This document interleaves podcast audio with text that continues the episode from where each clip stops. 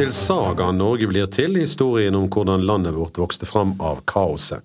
Mitt navn er Tom Christer Nilsen, og bak spakene sitter som vanlig Kim Andreassen. Dette er episode 19 i sesong 2 og 36 fra starten av, og den heter Forspill Dronning er dronning verst. Det er som kjent et par ting en konge må klare.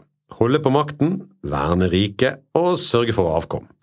Skal vi tro sagaene har Olav allerede vært gift to ganger og er enkemann én gang før han kommer til Norge. Hvor den engelske lordekonen hans er blitt av, det vet ingen, mest sannsynlig ble hun borte et eller annet sted mellom England og Irland eller noe sånt, hvem vet, eller et eller annet sted inni Snorres mange sider. Men vel hjemme i Norge må det skaffes en, ja, en, en ny kone, og helst en arving. Vi er nå eh, sånn et par år ute i Olavs styre, og han har nettopp kristnet Trøndelag ved å drepe Janskjegg og skremme bøndene til tro. Første forsøk på et godt norsk gifte, det kommer akkurat nå. Hordalendingene har som før fortalt allerede fått Olavs søster gift med en av sine egne, og etter drapet på Jernskjegg så vil trønderne ha bot for drapet, eller i hvert fall familien til Jernskjegg, da. Det får de ikke helt med en gang, men så får de det. Og det får de da til slutt, kanskje ikke minst på grunn av en liten detalj som Olav ikke var fullstendig klar over, men i Frostatingsloven hadde Håkon den gode fått skrevet inn en rett og en plikt for bøndene til å gjøre opprør om kongen brøt loven og ble, ikke ble straffet. Så dermed var det altså en straff som skulle tildeles kongen, ellers ble det opprør, og Olav hadde valget mellom permanent, lovlig opprør i Trøndelag eller å gjøre opp for seg. Han velger det siste, og som en del av oppgjøret blir han tvangsgiftet. Han må altså gifte seg med datter til Jernskjegg som straff. Det er alltid et godt utgangspunkt for et lykkelig samliv. Dette ekteskapet skal bli det korteste noen norsk konge har hatt. Det er mulig at det var planen hele veien, men de går til sengs sammen samme natt. Når bruden tror Olav er sovnet, drar hun fram en kjempediger kniv og har tenkt å ta en kark. I Olavs samme behandling som trælen kark ga Håkon jarl, altså skjære over strupen på han. Men Olav har nok hatt sine mistanker om at dette ikke var helt som det skulle være, så han har ikke turt å sovne inn ved siden av henne. Han vegrer seg, og hans nye brud flykter og blir aldri sett igjen. I hvert fall ikke av Olav. Dermed er han singlish i alle fall i Norge, og retter sin interesse mot en attraktiv, om enn farlig kvinne. Vi snakker Sigrid. Ja, akkurat den Sigrid. Hun som brant Harald Grenske og et halvt dusin alle småkonger inne fordi de var så frekke og ville fri til henne. Sigrid Storråde, eksen til svenskekongen. Ingen skal si at ikke Olav er en tøffing. Men han er nå ikke helt dum heller, så han drar ikke sjøl og frir i første omgang. Han, Istedenfor å bli brent inne, så sender han en gullring denne gullringen har vi muligens hørt om før. Det er en gullring som den nå hodeløse og ellers brente Håkon Jarl hadde pyntet det store hovet i Trøndelag med. Den blir selvfølgelig ikke sendt før det allerede har gått sendebud mellom Olav Tryggvason og Sigrid, altså hun som nå er kjent som Sigrid Storrådet, eller rett og slett Sigrid Stor på det. Småkonger som ikke var gode nok for henne, de ble brent, så Olav sender altså ringen foran. Men Olav han er tydeligvis stor nok. Så nå sendes tidenes største forlovelsesring i gull østover til Sigrid Storrådet i Svitsjod. Det er en makeløs flott ring, og alle og Sigrid beundrer den kostelige gaven. Ja, alle unntatt to. Det er litt grann uflaks, men to av gjestene hos Sigrid Storåde er gullsmeder. De ser nøye på ringen og snakker seg imellom og holder den i hendene, og Sigrid merker at det er noe de tisker og hvisker om, og ber de til seg. Hva er det ni skal der om? Nei, jo, altså, det er jo en flott ring, altså, men, men, men, men, eh, men? Nja, den er jo flott gull, da, på utsiden. På ytan? Yta, ja, ja, på ytan.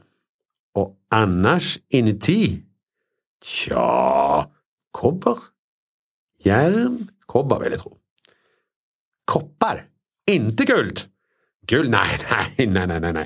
Helt feil vekt. Skulle vært mye, mye tyngre da. Definitivt kobber. Flott kobber. Ah, fordømrede nordbagger, jeg neker tro det. Ja, det er jo relativt lett å sjekke, så den ene av gullsmedbrødrene brekker ringen i to, og alle kan tydelig se hvordan det er gull bare i et tynt lag på utsiden og kobber på innsiden. Eller for det meste kobber, egentlig. Godt pusset. En arg Sigrid Storråde tenker at kan Olav svike henne med dette, så kan han svike henne med annet, men likevel dropper hun ikke forlovelsen sånn helt uten videre. Mens Sigrid sitter og ruger på sinnet over den falske gullringen, er Olav opptatt på annet hold. Han driver kristning på Ringerike, og der treffer han av alle Åsta Gulbrandsdatter. Det er ikke å vente at du husker hvem det er, men det er altså hun som satt gravid hjemme mens Harald Grenske dro for fri til nettopp Sigrid Storråde og ble flammenes rov. Ikke akkurat Sigrids beste venninne, må en tro, men hun har fått det barnet nå, som hun hadde i magen når Harald dro til Sigrid. Og han er tre år gammel, og han heter også Olav. Ja, den Olav.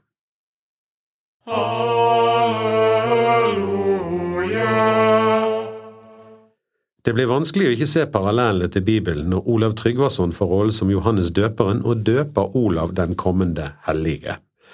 Det er ingen overraskelse at, eh, at det ikke er helt god stemning når Olav utpå våren kommer for å møte Sigrid, sin utkårne og stor på det storrådet.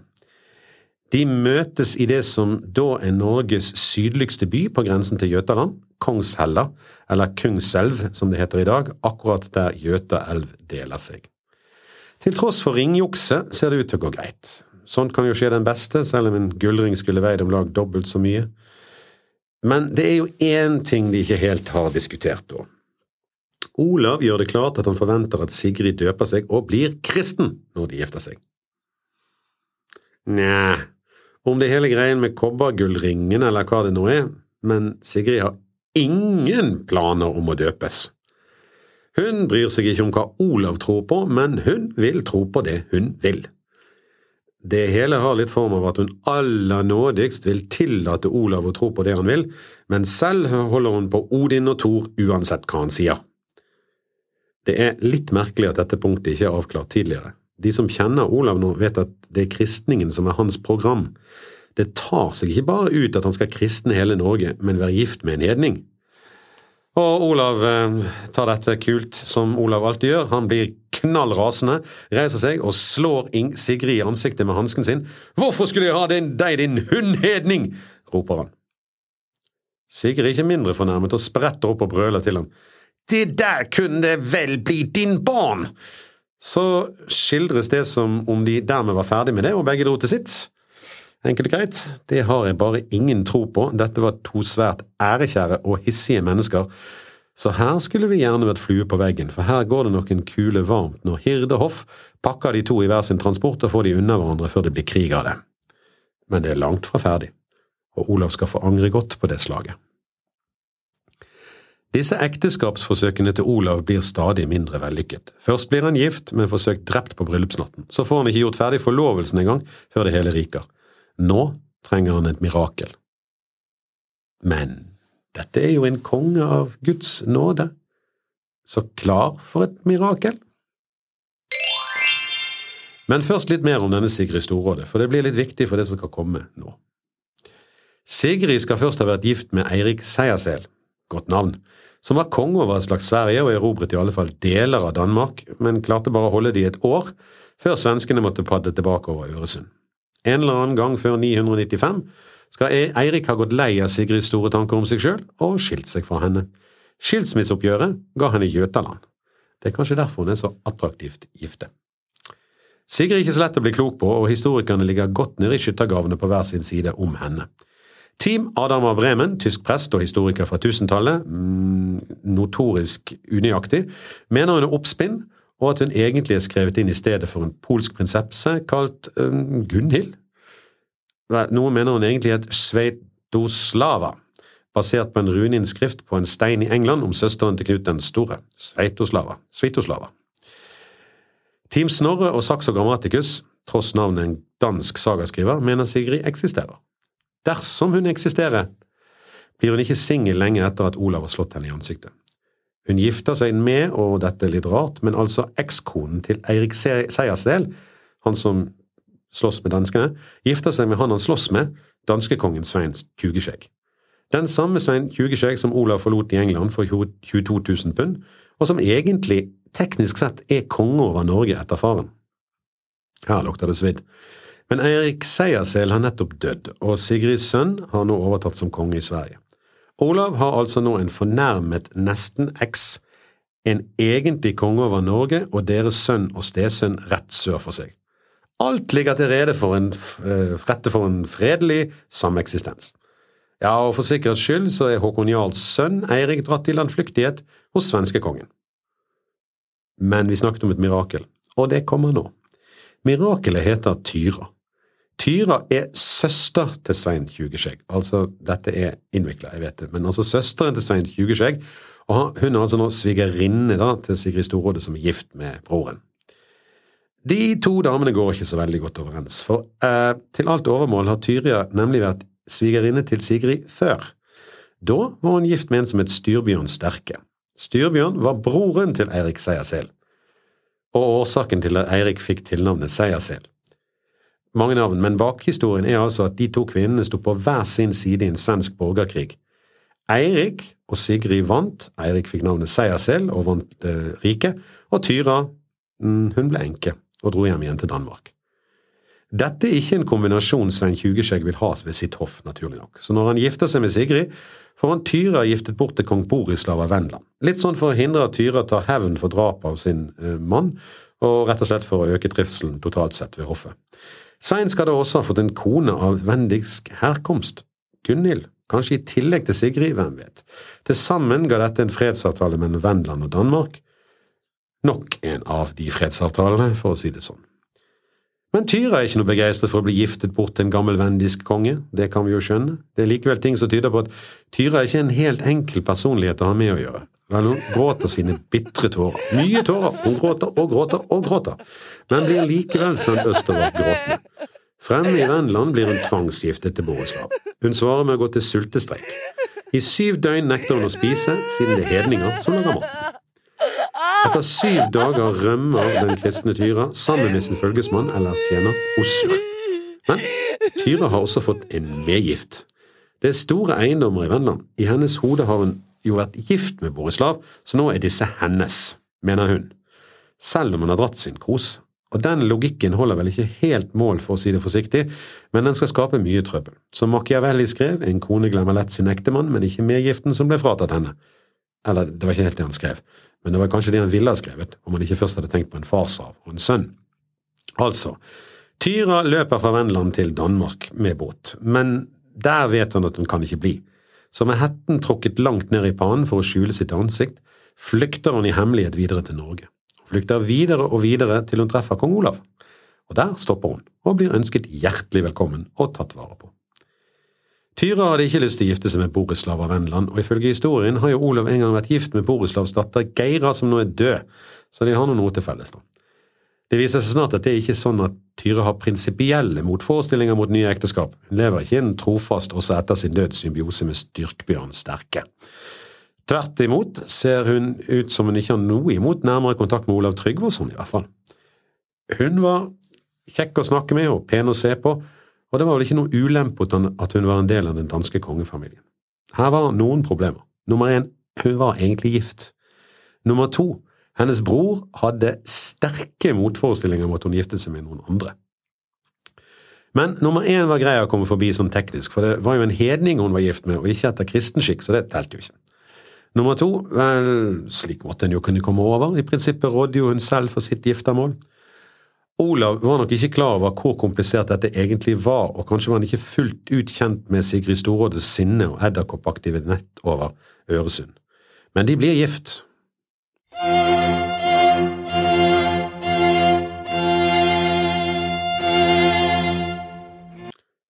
Og så begynner Tyra å gråte igjen. Det er en slags stimuli-responsmodell. Dette Tyra ser ut til å begynne å gråte hver gang hun blir gift.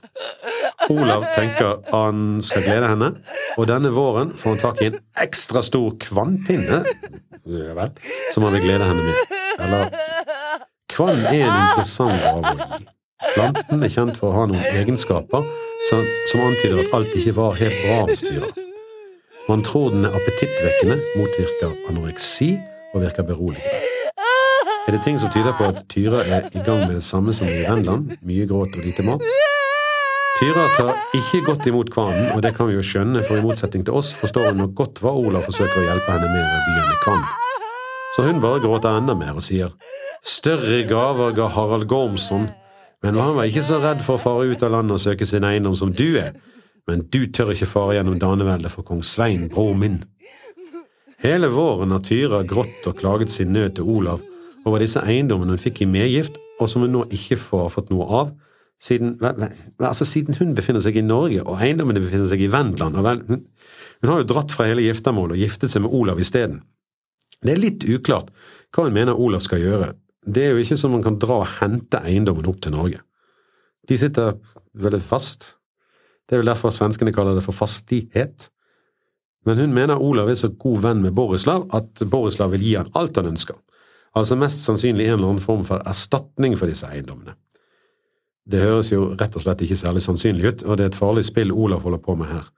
En mer sannsynlig forklaring er kanskje at Tyra vil ha hevn over denne hedenske kongen og sin bror, og gjerne Sigrid Storråde i samme slengen. Vi vet ikke. Men kommentaren om at Olav ikke tør møte Svein, broren hennes, den er dråpen som får begeret til å renne over for Olav. Om jeg og broren din møtes, så er det nok han som må vike, sier Olav.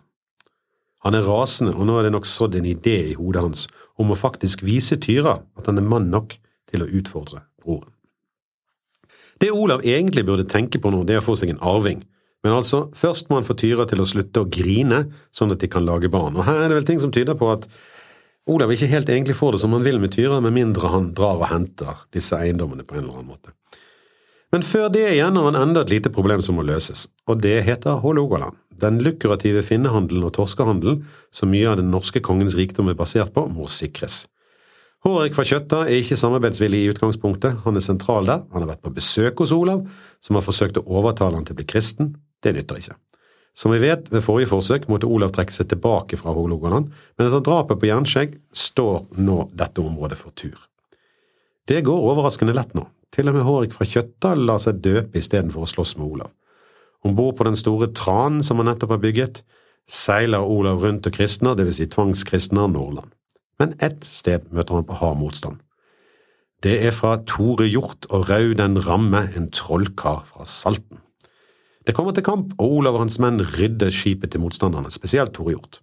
Hedningene legger på flukt. Tore og hans gjenværende menn flykter opp på land, mens Raud troller sånn at han får vind i seilene og flykter med en trollbør mot Salten.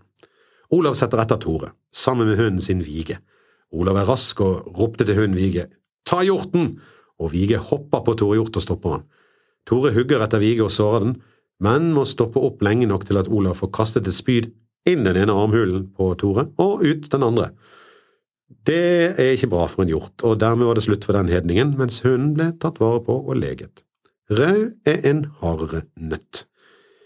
De finner fjorden hvor han bor, men uansett hvor mye de prøver, så blåser det hele tiden et fryktelig utvær, uvær ut av fjorden. Det virker som Raus magiske vinder liksom skal holde de ute og blåser ut fjorden hele tiden, så de ikke klarer å seile inn. Men nok en gang setter Olav sin lit til Vår Herre. Frem i båten med biskopen Sigurd. Og han er nok litt urolig for hva han skal få til nå. For går dette bra, så tror de på Gud, og han får gull og grønne skoger. Går det ikke bra, så er det ikke godt å si hva som skjer med hodet hans. Ikledd messehagl og fulle pontifikalier og det hele, tennes røkelse og lys, og korset løftes i stavnen. Og inn fjorden seiler de imot motvind. Stormen uler rett imot dem, men de ror rett inn. Som Moses ved Rødehavet deler biskop Sigurd stormen. Om det er han, eller røkelsen, eller korset, Gud vet bokstavelig talt. Men mens stormen står rundt de og sjøfokken spruter så de ikke kan se fjellet langs fjorden, så ror de i smult farvann skip etter skip i stormens øye helt inn til Rausgård. Der ligger hans skip og dupper i vannkanten, det flotteste skipet i Norge, med gullforgylt dragehode og like mange rom eller tiljer som Tranen, Olavs flaggskip, men enda bitte lite grann større. Olav går i land, og de fanger Rau, binder han og knebler han for at de ikke skal trolle mer mot dem. For godt mål så skal de ta livet av denne trollmannen, og det, det gjør de ikke på den enkle måten. De finner en lyngorm, og en lyngorm er sannsynligvis en liten hoggorm, faktisk. Den forsøker Olav å putte i munnen på Raud. I munnen. Hoggormen nekter på grunn av trollmannens dårlige og eller magiske ånde. De prøver og prøver, men ormen nekter og bukter seg unna. Da tar de en hul kvannkvist, og her er på kvann igjen, og putter ormen inni, for så å bruke en glødende jernstang inni kvannkvisten for å skremme ormen inn i munnen på Rau. Det virker. Ormen kryper inn i trollmannens munn og biter seg fast. Slik forgår Rau den ramme trollmannen fra Salten. Han dør av ormebitt. Kristendommen biter seg fast, paradoksalt nok, ved hjelp av en slange. Ikke den samme som lurte Eva i paradis, men likevel en slange. Vel ferdig med trollmanndrapet finner Olav ut at den båten ser rød, den var jammen finere enn hans egen tran. Han eksproprierer den og gir den navnet Ormen, selvsagt. Ikke den ormen, men Ormen. Vel hjemme og etter Tyras gråt og tenners gnissel blir Olav lei nok til at han bestemmer seg for å få gjort noe med disse vendiske greiene til Tyra. Først lar han bygge den største skuten noen har sett. Den skal hete Ormen Lange, enda større enn Ormen. Ormen fikk nå navnet Ormen Skamme. Deretter byr han ut Leidang i hele landet. Dette går ikke stille for seg. Det ryktes snart over hele Norden at den norske kongen samler skip og menn fra hele landet.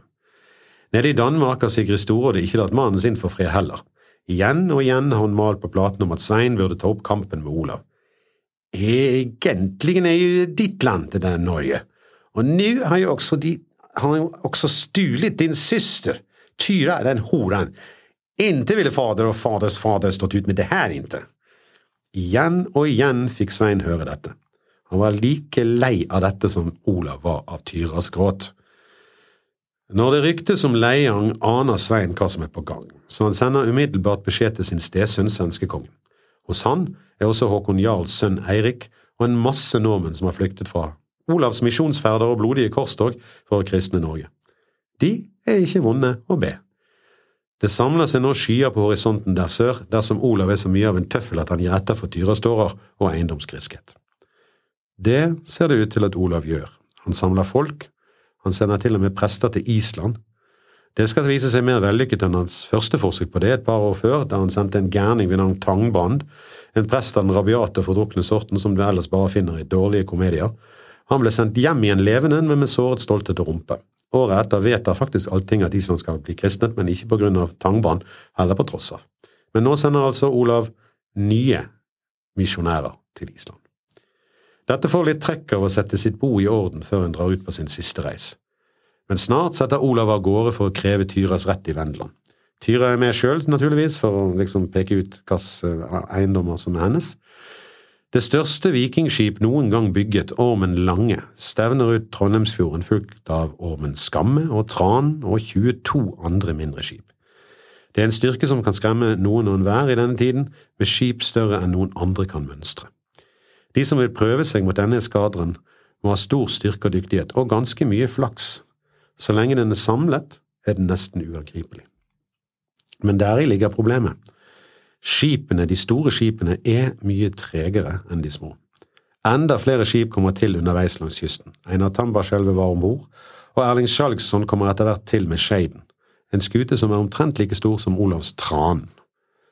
Og så seiler de ut i Skagerrak. Og hva skjer nå? Ja, akkurat det har du vel kanskje hørt om før, men mer skal du få høre om det i neste episode av Saga Norge blir til. Du kan sende kommentarer og spørsmål til tom.krister.gmail.com.